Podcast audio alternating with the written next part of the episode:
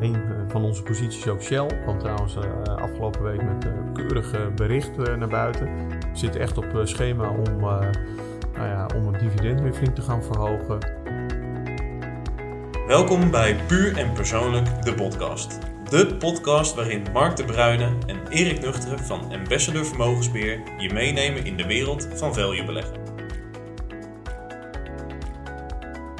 Welkom Mark zesde podcast alweer van Ambassador Vermogensbeheer, puur en persoonlijk. Uh, nou, de zomer in aantocht, de EK-finale uh, aanstaande zondag. Uh, nou, dus wat dat betreft een heel mooi uh, eerste helft van het jaar uh, hebben we erop zitten. Uh, mooie performance. Zeker voor ons als value Eerste kwartaal was goed. Tweede kwartaal viel wat tegen. Zeker de laatste maand merk je dat ja, koersen van, van value aandelen wat onder druk staan. zometeen iets gaan we daar wat dieper op in. nou, we staan natuurlijk te trappelen op het, om het cijferseizoen in te gaan. Dus vanaf volgende week ASML, TomTom en dat soort namen beginnen met, met de eerste cijfers. Ehm, wat, wat is eigenlijk jouw, jouw mening op dit moment over de markt? Want ja, de markt begint een beetje tot, tot, tot, stilstand te komen. er begint wat onrust te ontstaan, hè? voornamelijk ook nou ja, het, het coronavirus wat weer, wat weer oplaait. We zien weer wat kleuren de verkeerde kant op gaan, ook in Europa. Um, ja, hoe voel je je bij de markt? Nou ja, we hebben uiteindelijk een, een, hele mooie eerste helft van het jaar achter de rug. Bij ons lag, we hebben het grootste gedeelte van het rendement gemaakt in het eerste kwartaal. het tweede kwartaal ligt positief, terwijl denk ik heel veel brede marktindices wat minder, althans een, eh, een, net eerste kwartaal achter de rug hebben gehad. En dat ook een vervolg weten te geven in het tweede kwartaal. Ik denk wat uh, onze portefeuille heel erg ondersteund heeft, dat uh, de markt is gaan anticiperen op het uh, ja, economisch herstel wat zou moeten komen op het moment dat, ja, dat de maatschappij, dat de economie weer volledig open gaat en dat we betere controle krijgen over het, het coronavirus. Ja, en nu ja, is eigenlijk die, zit je in een soort tussenfase. Hè? bedoel, de markt heeft erop geanticipeerd en nu wil men het zien. Dat dit ook doorkomt, dat dit herstel zich gaat doorzetten. En de laatste, zeg maar, eh, de tweede helft van juni, zie je natuurlijk uh, de besmettingen, het aantal uh, besmettingen met, met een nieuwe variant van het coronavirus weer wat oplopen. de markt maakt zich weer wat zorgen of ja, het economisch herstel zich zal doorzetten. Dat de maatschappij misschien toch weer wat in lockdown zou moeten gaan. Ja, ik denk op zich dat dat wel mee zal vallen. Ik denk dat uiteindelijk ook dat je gewoon gaat zien dat dat herstel zich door zal zetten. Uh, dat we ook op een betere manier weten om te gaan met het, uh, het coronavirus. Hè. We, zien wel dat besmettingen oplopen, maar niet dat ja, het aantal ziekenhuisopnamen heel hard oploopt, dan wel het aantal sterfgevallen heel erg uh, stijgt. Dus wat dat betreft denken we wel dat die lijn uit ja, met name het, het, de eerste vier, vijf maanden van het jaar, dat zich in de tweede helft van het jaar zich gaandeweg zal voortzetten. En wat ook heel erg um, denk meegeholpen heeft, uh, is dat uh, zeker in uh, het eerste, zeg maar, vierde kwartaal van 2020 en het eerste kwartaal van 2021, dat de bedrijfsresultaten aanzienlijk beter waren dan waarop ja, de markt gerekend had. Althans, in de breedte. Ja. En wat verwacht je dan van het tweede kwartaal? Want we hebben best wel wat problemen met zeg maar de toeleveranciers, uh, chiptekorten. je merkt het vorige week al bij een bedrijf in China. Ook uh, de grondstofprijzen die dan niet doorberekend kunnen worden naar de eindklant. Uh, wat verwacht je daar? Nou ja, je, ziet uh, ja, toch wel dat er ja, gewoon problemen zijn in die, in die, die productieketen. Dat zal het ene bedrijf meer raken dan het, het andere bedrijf. Dat sowieso zie je toch wel um, dat, dat is eigenlijk wel opvallend denk ik aan deze crisis. Dat problemen met name aan de aanbodkant zitten. En uh, dat de vraagkant eigenlijk toch behoorlijk op peil is gebleven. Dat heeft natuurlijk ook voor een deel te maken met uh, ja, de, de, de, de steun die er is geweest vanuit de overheden. Het uh, monetaire beleid, wat al zeer ruim is, dat nog ruimer is geweest. En dat ja, uiteindelijk ook de, de consumenten hun gedrag hebben aangepast. Hè. Dat, ja, wat dat betreft ja, voor de coronacrisis werd er veel meer aan, aan, aan, diensten en, en dergelijke uitgegeven. Ja, de, de westerse maatschappij is eigenlijk het afgelopen jaar een soort van derde wereldland geworden. Waarbij het dus heel erg ingezet is op ja, consumptie. Hè? Het, het, het, het, kopen van allerlei goederen. mensen hebben heel erg veel ook in in hun huis geïnvesteerd. Hè? Ook als dat we ja. in, de, in de woonwijk ziet, je ziet overal busjes staan. En mensen zijn toch uh, ja, hun geld op, de, op een andere manier aan het uh, uitgeven. En dat uh, heeft wel een paar gedragsveranderingen met zich meegebracht. En dat zie je dus ook ja, terugkomen bij bepaalde bedrijven die op dit moment gewoon niet ja, aan de vraag kunnen voldoen. Ja, precies. En nog wel even over het inflatievraagstuk, want dat is eigenlijk een heel belangrijk item. Zeker in het tweede kwartaal speelde dat steeds meer op. Eh, je merkte dat uh, nou ja, uh, de, de, rentes liepen, zeker de eerste kwartaal, liepen aardig op. Zeker een tienjaarsrente in Nederland van min een half naar bijna nul. Nu staan we rond de min, min 0,15. Ja. Dus dat is wat gestagneerd, teruggevallen weer. hoe zie jij dat? Want die centrale banken die zeggen dat het een tijdelijk fenomeen is en niet structureel. Ehm, wat dat betreft is dat niet een stukje van onderschatting van de bankiers? Ja, nou, dat is een, een, een heel, uh, heel lastige kwestie. Wat je op dit moment uh, ziet is dus dat de, die verstoring van die, die productieketen. Je ziet dat grondstofprijzen oplopen. Dat heeft deels met dat veranderde maken. Heeft aan de andere kant ook te maken met het feit dat het laatste jaar natuurlijk best weinig geïnvesteerd is in, ja, in, in de, het ontdekken van nieuwe ja, mijnen, denk aan nieuwe olievelden en dergelijke. Terwijl de vraag op dit moment behoorlijk oploopt. De transportprijzen, met name van uh, zeetransport, ja, die zijn keer 4, 5, 6 gegaan in een relatief korte tijd. Um, Verwacht je dat daar ook weer de, de prijzen terug gaan vallen? Of uh, blijft ja, het maar niet op een hoog... hele, hele korte termijn. Het is toch, uh, die, die, die productieketen is, is verstoord. We hebben natuurlijk ook uh, die blokkade van het Suezkanaal gehad. Um, ja, het, is best lastig om op korte termijn ook ehm, het, het, aanbod te vergroten. Dus de verwachting is toch nog wel dat, dat die transporttarieven zeker nog wel ja, 12 maanden en misschien wel langer zullen ja, zo hoog zullen blijven. Maar als je kijkt het inflatiecijfertje, vergelijk vorig jaar 2020, nu met de huidige 2021. Nou, dan kan iedereen wel uh, uitrekenen dat dat een enorme inflatiesprong is. Maar nu gaan we even naar de toekomst kijken. Hoe staan we er volgend jaar in 2022 voor? Rond deze tijd maak je dan weer zo'n sprong in die grondstoffen? Uh, moet überhaupt het inflatiecijfer eens op een andere manier bekeken worden? Zelfs Klaas Knot uh, kwam erop terug van, er klopt natuurlijk helemaal niets van. Uh, gaan we nou eens wat meer luisteren naar de burgers op straat? Hè, waar gaan de meeste lasten naar, naartoe? Dat is naar, naar je woning. Nou, dan je woning met alle lasten eromheen zit niet in het inflatiecijfer. Nou, nou natuurlijk te zot voor woorden. Ja, wat verwacht je daarvan? Ah, kijk, wat, wat, er, zijn, er zijn verschillende zaken. Je hebt aan de ene kant van de inflatie, die wordt op dit moment heel erg. nou, natuurlijk zit er het effect in van een lagere vergelijkingsbasis, omdat die inflatie in 2020 wat lager lag. Eh, je ziet nu met name aan de grondstoffenkant het, en transporttarief omhoog gaan. Je moet ook zien of wellicht dat een vervolg krijgt op de arbeidsmarkt. Aan de ene kant heb je een uh, ja, behoorlijke uh, hoge werkloosheid in bepaalde delen van de wereld. Hè. We toch per saldo dat door de coronavirus miljoenen mensen hun baan zijn kwijtgeraakt. Aan de andere kant zie je een enorme mismatch op die arbeidsmarkt. Want door de gedragsverandering die we hebben gedaan, hè, we werken meer van huis uit, eh, de digitalisering heeft een nog grotere vlucht genomen. Ehm, ja, het is gewoon moeilijk voor bepaalde werkzaamheden om daar uh, mensen voor te vinden. En je ziet ook dat een deel van uh, de mensen die op de arbeidsmarkt zaten, en met name de, wat oudere beroepsbevolking, dat die op dit moment niet terugkeren. En dat kan allerlei oorzaken hebben. Dus ja, um, lastig in te schatten, maar kijk, het, gaat ook niet alleen puur om het, het, formele deel van inflatie, maar ik denk dat centrale banken ook een taak hebben in het, uh, het zorgen voor een financiële stabiliteit.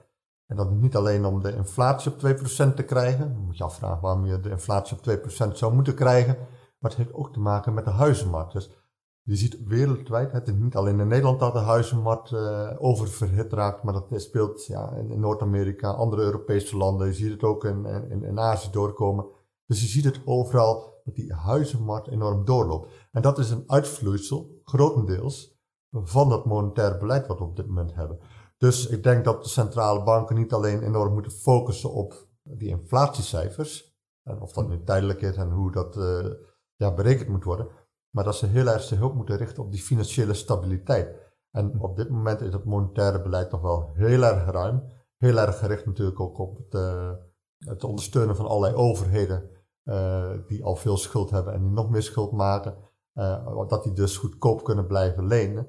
Maar je moet dus ook in de gaten hebben dat een uitvloeisel van dit beleid is. Enorme speculatie, huizenmarkt die uh, oververhit raakt. En ik denk dat het goed zou zijn dat ja, de, de centrale banken een klein beetje pas op de plaats zouden Precies, dus uh, de komende periode gewoon uh, steeds ook minder actief zullen zijn ook op de obligatiemarkt. En toch zorgen dat de rente wat langzaam begint op te lopen. En dat de steunmaatregelen langzaam worden ingetrokken. Hè? Het, ja, zo, met, met name ook omdat die, ze hebben het ook altijd aangegeven voor de inflatie op, op peil te houden. Maar ook om de vraagkant te stimuleren. Maar door de nou, toch de bijzondere crisis die we hebben, een gezondheidscrisis, is ondanks alles wat er gebeurd is, is de vraag ja, behoorlijk op peil gebleven. En die wordt nu extra gestimuleerd, ook nog eens met allerlei uh, uh, fiscale steunpakketten vanuit uh, de diverse overheden. Kortom, er wordt ja, overgestimuleerd. Ja. Nou, we gaan even terug naar de, naar de portefeuilles. Eigenlijk hebben we het eerste kwartaal zijn we best wel eh, rustig geweest. We hebben wel defensieve namen hadden we toegevoegd aan, aan, de portefeuille. Tweede kwartaal hebben we eigenlijk wat namen bijgekocht. Dus niet zozeer nieuwe namen, maar meer namen die ja, eigenlijk relatief gezien wat minder presteerden, wat terugvielen. Denk aan een SBM Offshore, Atos Origin. ook zo'n naam die we gestaffeld zeg maar, hebben ge gekocht in de portefeuille. Uh, kan je daar iets meer over zeggen? Ja, dat uh, het klopt. We hebben uh, vrij weinig nieuwe posities opgenomen. We hebben eigenlijk het, laatste wat we gedaan hebben is een positie opgebouwd in de Franse ICT-dienstverlener Atos Origin. Een hele grote internationale speler.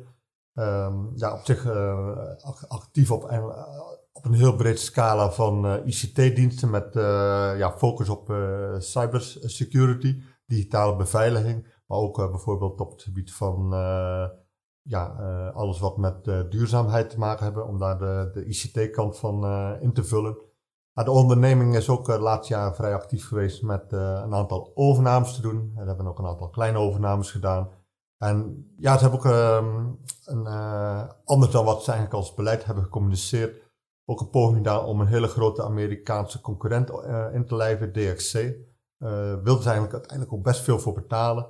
DXC vond het nog niet genoeg en uiteindelijk is die, uh, die overname niet, niet doorgegaan. Eigenlijk ook gelukkig voor aandeelhouder denk ik van Atos, want dat, die prijs was gewoon te hoog.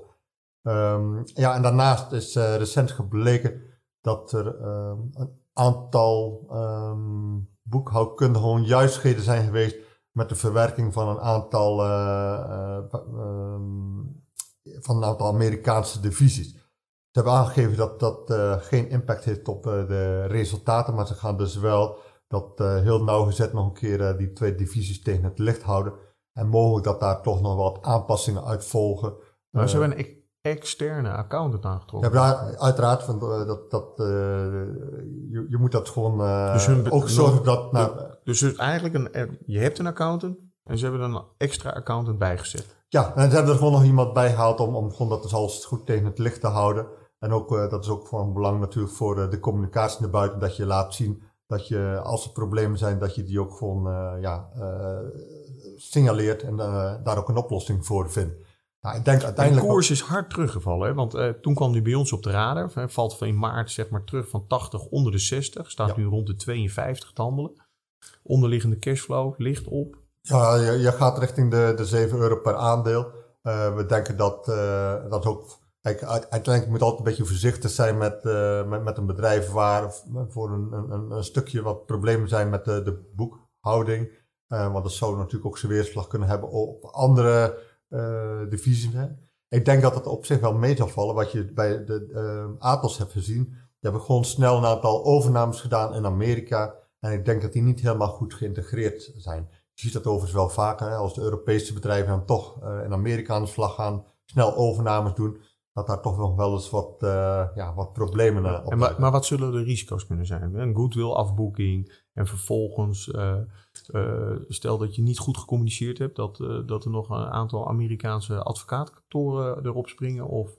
Ja, nu is het niet over niet ongebruikelijk dat bij, bij alle Amerikaanse bedrijven zie je wel dat er rechtszaken lopen, maar ik denk dat dat op zich nog wel mee zal vallen. Ik, ik, ik denk dat ja, wellicht een, een, een bijstelling van de resultaten. Je moet op korte termijn wat hogere kosten natuurlijk vanwege dat boekhoudkundig uh, onderzoek. Waarschijnlijk zal het, uh, het resultaat uh, naar de toekomst toe in Amerika wat lager liggen. Maar ja, kijk, als je ook gewoon kijkt naar de waardering hè, voor zo'n groot ICT-bedrijf, ja, zeg je al onder de acht keer de, de winst. Nou ja, als je dat. Ik denk niet dat je het helemaal kunt vergelijken, maar als je naar een andere grote Franse ICT-onderneming kijkt, zoals Capgemini, ja, die hebben ongeveer dezelfde soort, uh, ongeveer dezelfde resultaatsontwikkeling, ongeveer dezelfde marges. Ja, de koers staat niet op uh, 52, maar die koers staat, zo mijn hoofd zegt, rond de 160. Dan wil ik niet beweren dat Atos ook naar 160 kan, maar ik denk dat, ja... Gewoon weer terug naar die niveaus van maart, ja, de, de, afgelopen denk, jaar. 75 à 80 euro is een, dat zeg maar, fair value ja. waar je, waar je ja. naar kijkt. Oké. Okay. En de SBM Offshore valt ook uh, tegen. Uh, stond ook een, een, drie, vier maanden geleden boven de 15, 16. Staat nu rond de 12,5 euro uh, te handelen. eigenlijk een, ja, volgens mij een bedrijf wat zich keurig ontwikkelt. Mooie float. ja, Klopt, ja, ze hebben natuurlijk ze hebben twee zaken. Ze hebben in zin een lease. Ja, waar eigenlijk de, de komende decennia gewoon een hele mooie cashflow uitkomt. En je hebt daarnaast uh, zogenaamde turnkey activiteiten. Dat zijn dus gewoon de, de projecten die dus uh, periodiek, of dan die ieder jaar opgeleverd worden. Het ene jaar zoveel van die FPSO's en ja, daarna wat, wat meer of minder.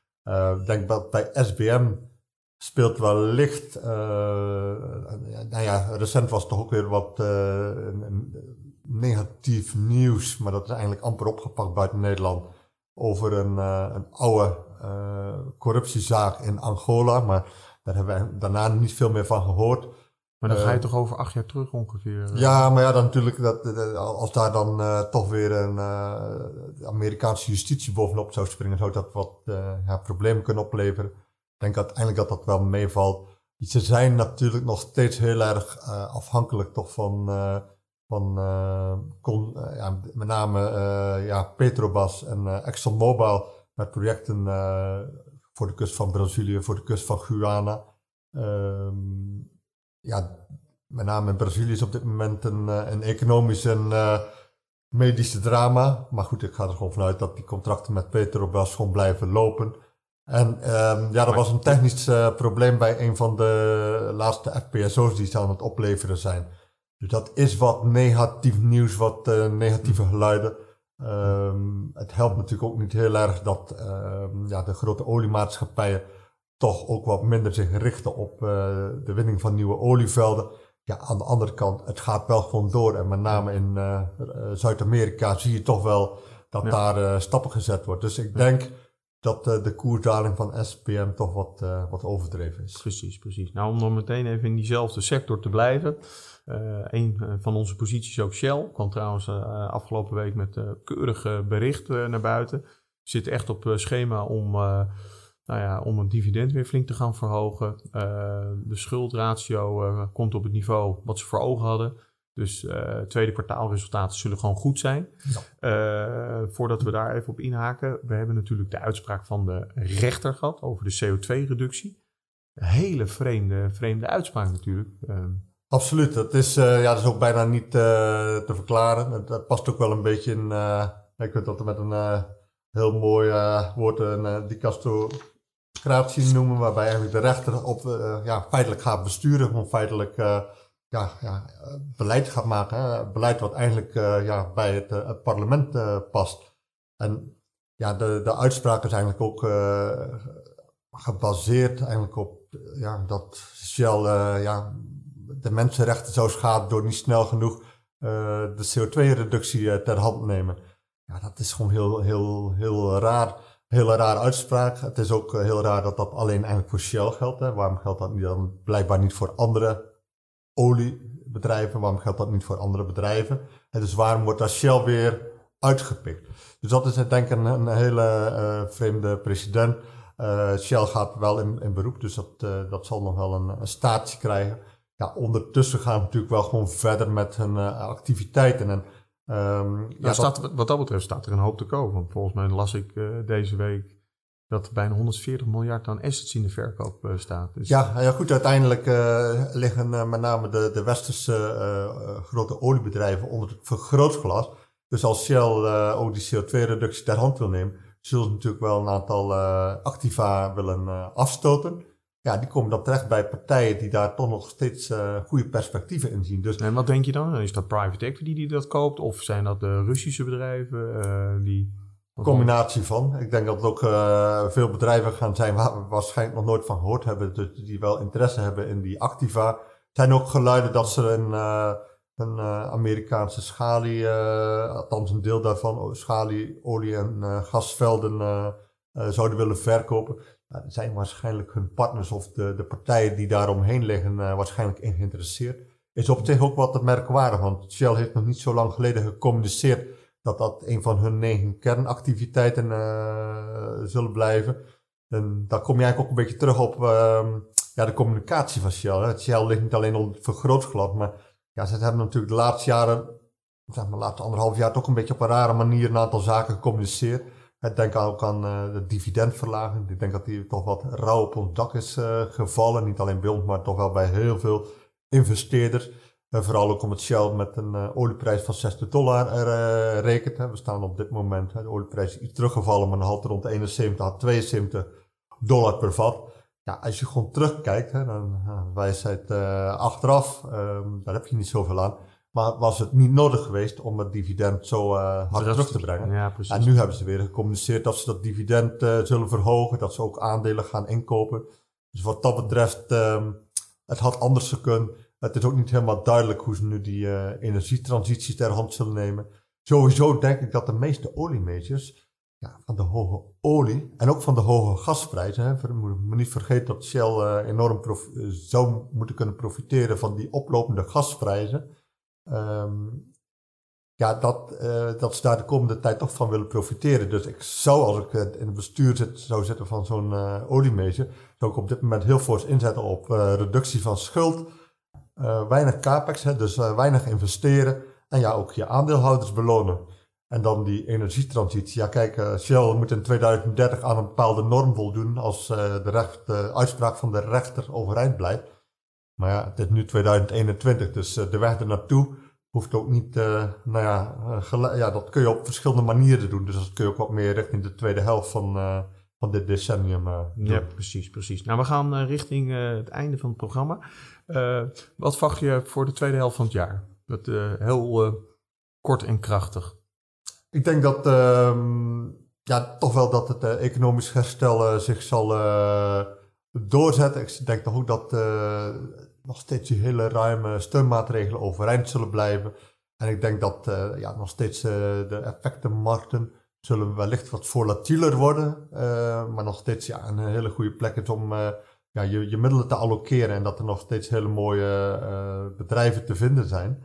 Ik denk wel dat je heel erg moet uh, oppassen van als het economisch herstel doorzet, ja, dat daar waarschijnlijk toch een, uh, een iets andere renteniveau bij hoort. En dat je daar ook in je, ja, in je keuze van je bedrijven toch heel erg mee moet uitkijken. Dus ik denk met name voor defensieve beleggers dat die heel erg moeten uitkijken met, met obligaties. En ook met uh, ja, mooie bedrijven die heel zwaar gewaardeerd zijn. Precies. Ja. Heb je nog uh, een, een, een, tip voor de luisteraar? Dat je zegt van, uh, zeker in een tijd als deze, het begint allemaal wat ja, turbulenter te worden. Dus je ziet wat gekke bewegingen ook in, in de markt. Het, het lijkt een beetje op bezit van de zaak. wat mij opviel deze week bij wijze van spreken het mooie bericht van Shell. Je opent keurig in de plus en je eindigt in de min dat zijn van die signalen dat je denkt van, hmm, hè, we zitten als value-belegger heel erg te wachten op die tweede kwartaalcijfers, op die bevestiging hoe het bedrijf zich ontwikkelt. Uh, um, ja, dat je daar een beetje op een gegeven moment uh, misschien teleurstellingen gaat zien? Nou ja, kijk, je ziet al, er is heel veel ruis op dit moment. Er zijn ook heel veel uh, berichten waar je door van de, de wijs kunt brengen. Dus oplopende besmettingen, krijgen we weer een lockdown nog niet. We zien op dit moment de Chinese toezichthouder enorm actief met, uh, om activiteiten van Chinese bedrijven met een beursnotering in Amerika aan banden te leggen. Geopolitieke spanningen die oplopen. Maar uiteindelijk zijn gewoon uh, ja, de bedrijfsresultaten leidend voor uh, de koersen. En dat, dat, dat kan op de korte termijn wel wat uh, volatiliteit opleveren. Maar blijf gewoon heel erg kijken naar de cashflow ontwikkeling van een bedrijf. Hoe een bedrijf presenteert. En niet te veel je laten leiden door allerlei ruis eromheen. En ook niet door allerlei ja, mooie verhalen die verteld worden, die niet ondersteund worden door cashflow. Dus blijf gewoon kijken naar de resultaten van bedrijven. En laat je niet ja, van de wijs brengen door allerlei korte termijn uh, ja, ontwikkelingen. Nou, super. Dankjewel Mark. En uh, dankjewel voor, voor het luisteren. Uh, nou, dit was alweer de zesde podcast van het jaar. We gaan nu lekker de zomerperiode in. We gaan de periode van de, van de tweede kwartaalcijfers in. Nou, wij proberen in ieder geval weer, zeg maar, tweede helft augustus weer een podcast op te nemen. Kunnen we mooi inzoomen op, op de resultaten. En nou, nogmaals, dank voor het luisteren en nou ja, geniet van de zomer. Dank jullie wel. Let op, beleggen brengt risico's met zich mee. Uw inleg kan minder waard worden. De in deze podcast verstrekte informatie is niet bedoeld als professioneel beleggingsadvies en is geen aanbeveling of uitnodiging tot koop of verkoop van enig financieel instrument. De informatie is uitsluitend bedoeld om kennis te maken met de beleggingsvisie van Ambassador. Aan de verstrekte informatie kunnen geen rechten worden ontleend.